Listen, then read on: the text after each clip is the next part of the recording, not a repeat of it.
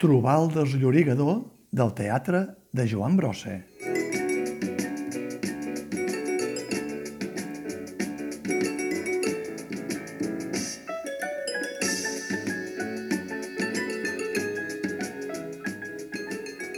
Corre tradicionalment la brama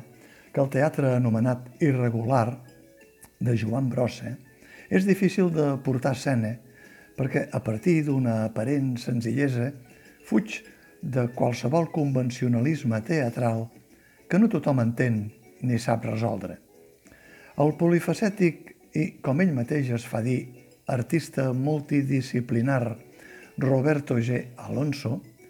establert de sempre a Catalunya, tot i nascut a Pontferrada, i establert aquí amb companyia pròpia, ho desmenteix perquè li ha trobat el desllorigador a Joan Brossa i ha creat un espectacle que, a més de ser fidel amb la línia i la filosofia bruciana, la renova amb una mirada molt personal, tant d'ell com de tota la companyia, i la coloreix amb unes pinzellades que burxen subtilment amb qüestions actuals. Els abusos sexuals destapats recentment dins de l'Església, la crisi de la política actual, l'estat eternament trontollant de la cultura, el pes del triangle religiós, militar, judicial, el mite de les urnes de votació, el ritual dels passos de Setmana Santa,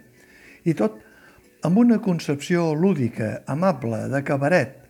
i una mica també de barraca, prometent a Sants i Minyons, no els prometis, sinó els dons, un transformisme dojo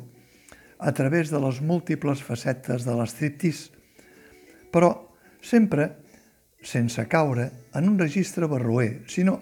fent ús d'una atmosfera poètica de music hall. El coreògraf i director Roberto G. Alonso, que hi fa el paper de McClown o mestre de cerimònies, en algunes funcions el substitueix l'actor Jordi Andújar, s'ha envoltat d'una companyia de quatre intèrprets multidisciplinars que, a més de treballar amb ell en alguna altra ocasió, abasten l'ampli ventall que proposa Joan Brossa en les seves peces teatrals. El músic, piano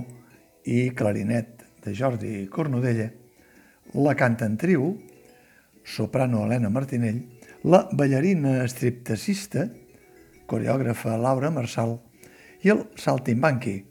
actor i performer Davo Marín. L'espectacle compta amb un atrezzo d'objectes plenament brucià i amb una escenografia romàntica de pista de circ que es fa servir en la primera part per jugar amb una broma també molt marca brossa, amb els espectadors situats en dues grades, separades pel cortinatge del teatrí central, i creant un clima d'expectativa del que passa en una banda i l'altra, sense que una no ho vegi de l'altra. Mentre en una banda el músic toca el clarinet o la cantatriu canta, a l'altra sonen riallades. Sonoritat fantasiosa de brossa total. Mentre en una banda un dels intèrprets entreté avorridament el personal, a l'altre es fa creure que hi ha un striptease total – cal advertir als espectadors que la imaginació i la fantasia són mitja vida i que dels temps de Cristalem i del primer striptease de brossa permès el 1977 a la televisió en blanc i negre postfranquista ha plogut molt i, com deia aquell, en aquest país, quan plou, la pluja no sap ploure. La companyia fa una tria de les més de 50 peces de l'obra Estriptis i Teatre Irregular, que actualment es troba reeditada a Arola Editors, i estira el fil dels seus poemes visuals, amb música, dansa, chanson, moviment, esquetxos i moments de pausa i relax per donar sortida a una aparent familiaritat Cadascun dels intèrprets té el seu moment i els cinc construeixen el fragolisme tan venerat per Joan Brossa de la transformació. Especialment divertides les peces del militar que dirigeix la formació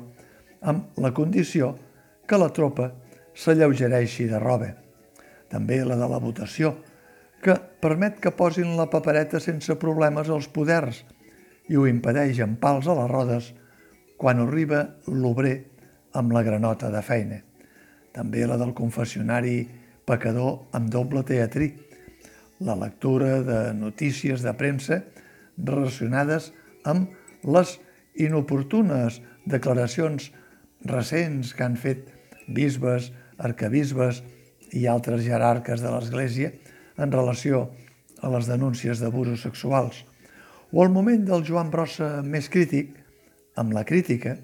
amb la lectura de la seva Carta oberta a un crític del 1960, en resposta a una crítica publicada pel periodista cultural i esportiu manresà Martí Ferreres, a qui acusa de fetichista i de no ensenyar a veure el teatre, i on Brossa destila un decàleg del que hauria de ser la crítica teatral que encara avui no ha perdut vigència. Per això, aquest humil crític fa ara un discret mutis pel final de la pàgina, abans que l'esperit de brossa o els seus intèrprets li propinin un sonat malefici de transformisme i el deixin també, com tots ells, en pilotes.